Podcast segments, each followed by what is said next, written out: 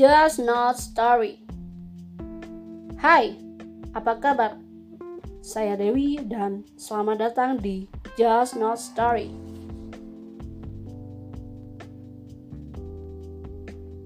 Saya tahu kayaknya ada beberapa dari kita yang enggak baik-baik saja.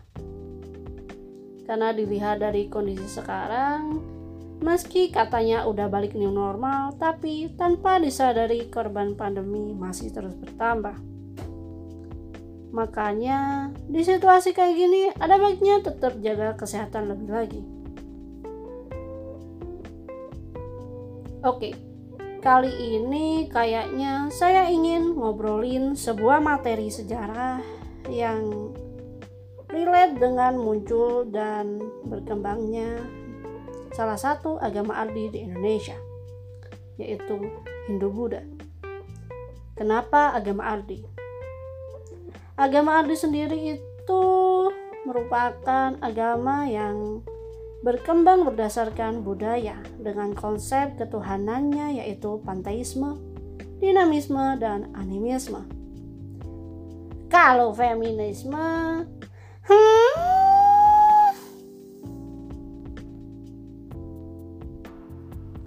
Oke, ngobrolin tentang sesuatu yang baru, kemudian muncul, lalu berkembang.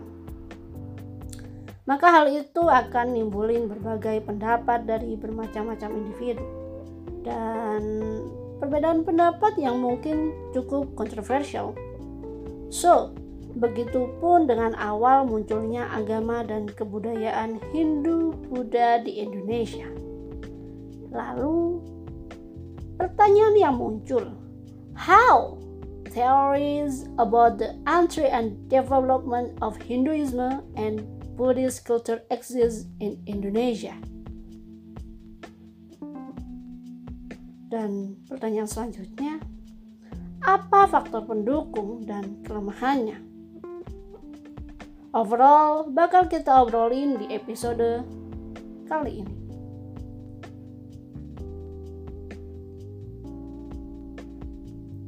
Ngobrolin tentang masuk dan berkembangnya sesuatu di wilayah baru, maka di situlah bakal banyak teori bermunculan. Kayak yang mau kita bahas kali ini, yaitu apa-apa aja yang berhubungan dengan masa lalu, agama, dan budaya Hindu-Buddha di negara kita tercinta ini, Indonesia. Karena sepertinya saya terlalu malas untuk membahas perkara-perkara yang rumit. So, saya lebih fokus pada pembahasan teori-teori dari kedua agama dan budaya ini. Oke, langsung aja. Secara umum, ada dua teori masuknya agama dan budaya Hindu-Buddha di Indonesia.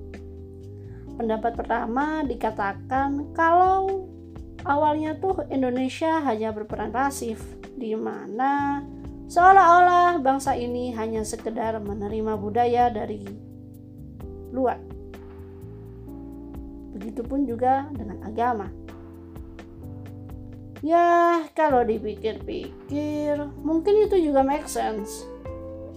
Karena negara tercinta kita ini jika dilihat dari sosiokulturnya sangat humble, more be open and antusias terhadap apa-apa aja yang baru. Semisal nih, kita riletkan pada masa ini. Pas lagi heboh-hebohnya di tahun 2017 dengan permainan fidget spinner yang mana hampir seluruh anak Indonesia bermain dengan itu semua. Mungkin kalian salah satu pendengar atau bahkan hampir seluruh pendengar podcast ini pernah ngebeli permainan itu. Dan masih banyak lagi. Secara sederhana itu semua udah bisa gambarin gimana sejatinya sosial kultur kita terbentuk. Lalu The question is, Apakah memang sesimpel itu masyarakat kita cepat open dengan hal-hal yang baru? Apalagi ini tentang suatu kepercayaan. Hmm. Dari literasi yang saya baca, banyak masyarakat kita sebenarnya nggak terlalu open terhadap perkara-perkara baru. But karena adanya vertical relationship dengan penguasa, jadi adanya hubungan vertikal dengan antara rakyat dengan penguasa atau biasa saya sebut dengan hubungan mistisisme di mana hubungan mistisisme ini rakyat bakal sangat patuh banget terhadap apa-apa aja yang dilakuin oleh pemimpin, utamanya raja. Hubungan macam itu seolah-olah rakyat melihat raja sebagai seorang Tuhan, layaknya sebagai Tuhan. Yang percaya raja punya kekuatan medis. Dengan itu, tidak heran kalau apa aja yang raja lakuin bakal diturutin bahkan ditiru. Andai kata nih, konsep ini masih berlangsung hingga saat ini. Misal nih, kita berandai-andai, raja hidup di zaman ini. Ia raja bermain dengan gadgetnya, bermain dengan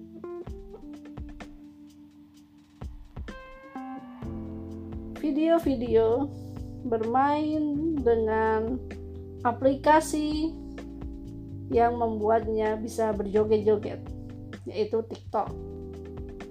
Besar kemungkinan rakyat pun bakal patuh dan niruin kelakuan raja itu. Seperti halnya kelakuan bunda-bunda yang lagi rame diomongin karena kelakuannya. Joget aplikasi di penyeberangan umum joget-joget aplikasi di jembatan Suramadu. Astagfirullah. Ada aja ya kelakuan bunda-bunda pikulu ini. Oke, kembali lagi ke pembahasan awal. Konsep ini sebenarnya udah lama berlaku di berbagai negara. Seperti misal di Kekaisaran Jepang yang di mana Kaisar Jepang dianggap sebagai titisan Dewa Matahari. Rakyat biasanya nggak berpikir apa dan mengapa mereka ngelakuin perkara-perkara itu semua. Di Indonesia pun berlaku demikian. Hubungan raja dan rakyat berdasar pada hal-hal yang magis. Rakyat nganggep bahwa raja bertanggung jawab terhadap dewa atas segala kehidupannya di dunia. Dan jika raja berhasil ngelakuin itu semua dengan baik, maka ia akan mendapat cakravatin. Maaf nih kalau salah. Setelah saya browsing, cakravatin itu dianggap sebagai tingkat tertinggi seorang raja yang telah berhasil melindungi rakyatnya dan menerapkan hukum dengan seadil-adilnya. Dalam periode Islam nantinya pun konsep ini tidak banyak berubah. Hubungan ini biasa dikenal sebagai konsep Manunggaling Kawula Gusti.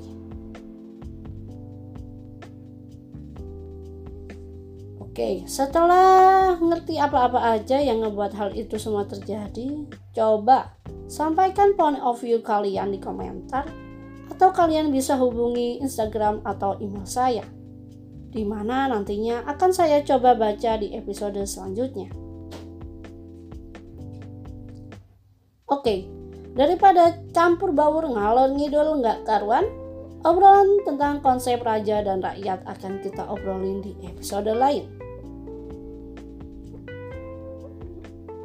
Nah, selanjutnya kita menuju pendapat kedua. Pada pendapat kedua dikatakan negara kita tercinta ini bersikap aktif dalam proses penerimaan agama dan budaya Hindu-Buddha. Ada tiga teori pendukung yang mungkin sering kalian dengar di waktu bangku sekolah atau mungkin ketika kalian membaca tentang awal mula Hindu-Buddha di Indonesia, yaitu teori Brahmana, teori Vaishya, dan teori Satria. Dari ketiga teori itu, hanya dua teori yang agaknya relate dengan pendapat kedua ini, yaitu teori arus balik dan teori sudra. So, kita akan bahas one by one the theory. Dengan point of view yang lain yang saya rasa agak cukup berbeda dengan apa yang ada di buku sekolah. Pertama, teori Brahmana atau golongan pemuka agama oleh Jacob Cornelis van Leeuwen. Van Leeuwen ngomong kalau Hindu-Buddha masuk ke negara kita tercinta oleh para Brahmana India. Teori Van Leeuwen muncul ketika ia melihat praktek Hinduisasi oleh India Utara kepada India Selatan yang mana India Utara itu milik bangsa Arya dan India Selatan milik bangsa Dravida. Van Leeuwen melihat bahwa Brahmana itu aktor Hinduisasi. Sebenarnya nih, kalau dipandang secara Nusantara, atau dengan perspektif Indonesia, teori ini kurang mantap. Utamanya jika dijadikan sebagai teori Hinduisasi di negara plus 62. Misi Brahmana bukanlah penyebaran doktrin, melainkan penundukan dan ekspansi ke wilayah baru, di mana perkara ini selalu diiringi oleh pembagian kasta legitimasi dan jaminan supremasi kepada kaum Brahmana.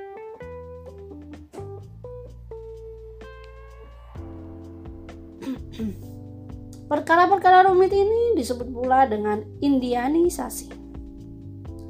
Lalu, melihat ada keuntungan dari perkara-perkara rumit yang ditawarkan, maka para aristokrat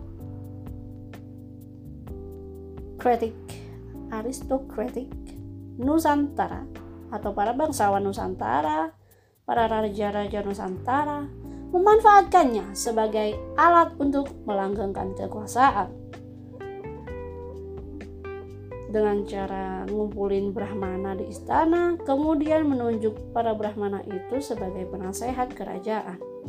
Yang mana tugas para Brahmana ini hanya untuk merestui setiap kebijakan kerajaan yang akan dikeluarkan.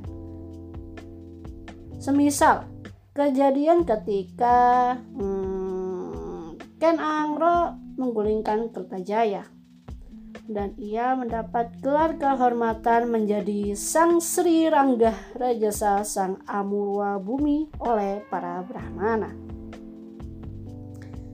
Teori kedua yaitu Waisya oleh N.J. Krom.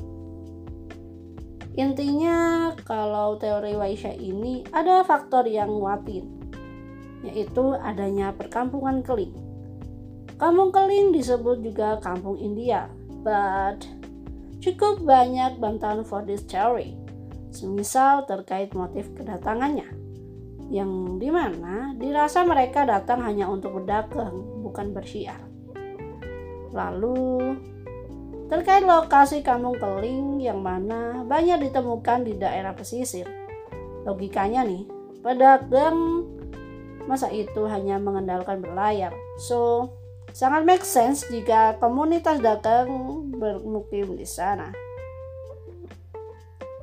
Yang pastinya tujuannya agar lebih mudah dalam berdagang dan kembali ke negeri asal ketika angin yang ditunggu datang.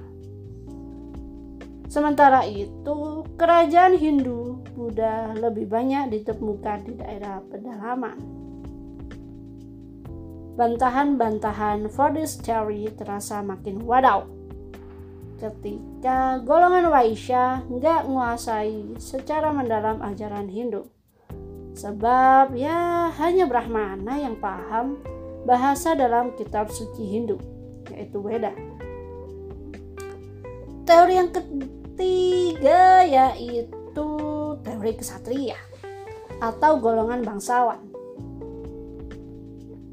Teori ini intinya penyebaran agama dan budaya Hindu-Buddha dibawa oleh golongan satria atau golongan bangsawan, di mana sekitar awal abad kedua Masehi terjadi kekacauan politik di India. Golongan bangsawan yang kalah perang memilih meninggalkan daerahnya menuju daerah baru dengan membentuk pemerintahan baru layaknya di negeri asal. Teori yang keempat yaitu teori kesu teori sudra atau golongan budak. Teori ini diperkenalkan oleh Van Faber. Intinya nih ya, kalau golongan sudra dianggap ngebawa agama dan budaya Hindu-Buddha ke Nusantara. Mereka menetap dan nyebarin agama mereka pada masyarakat lokal dengan tujuan ya yaitu untuk uh, agar mereka golongan sudra memiliki kedudukan yang lebih baik. But dilihat lebih jauh, teori ini punya kelemahan yang mana kelemahannya mirip dengan teori sebelumnya yaitu teori Waisya. Dan teori yang akan diobrolin terakhir yaitu teori arus balik oleh Frederick David Kahn Bosch. Intinya, kalau dari teori ini, penyebaran Hindu-Buddha di Indonesia terjadi karena peran aktif masyarakat itu sendiri, di mana awalnya pengenalan Hindu-Buddha memang dibawa pertama ya dibawa oleh masyarakat atau oleh bangsa India itu sendiri. Kemudian eh, ketika sampai di sini masyarakat lokal jadi interest untuk belajar secara langsung dari negeri asalnya yaitu India. Dan ketika masa belajar habis di negeri sana, di negeri asalnya, mereka kembali ke negeri sini dan negeri ini dan Nusantara lalu menciarkannya. Salah satu bukti pendukung teori ini yaitu adanya prasasti Nalanda. Ngobrolin tentang apa-apa yang berhubungan dengan sejarah Hindu-Buddha di Indonesia melalui teori dan pendapat ahli memang cukup kontroversial. Sebab teori yang ada hanyalah sebatas teori, nggak ada bukti yang solid, yang nyata untuk mengungkapin kondisi yang sesungguhnya. So, overall, I'm so proud of you guys and appreciate it so much for everything. And ya, yeah, itu aja untuk episode pertama Just a Story hari ini. Terima kasih telah mendengarkan dan biar saya tutup podcast ini dengan kalimat sederhana dari Paulo Coelho seorang penulis dari Brazil yang mengatakan bahwa tak peduli apa yang dilakukannya, setiap orang di dunia memainkan peran sentral dalam sejarah dunia. Dan biasanya ia tak akan pernah menyadarinya. Saya Dewi dan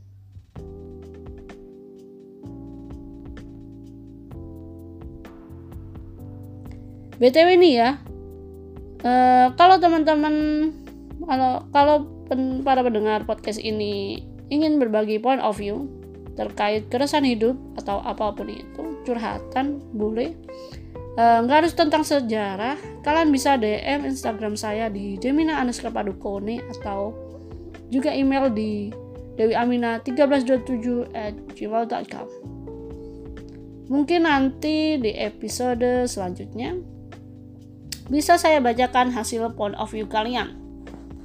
Sekian dan selamat malam. thank you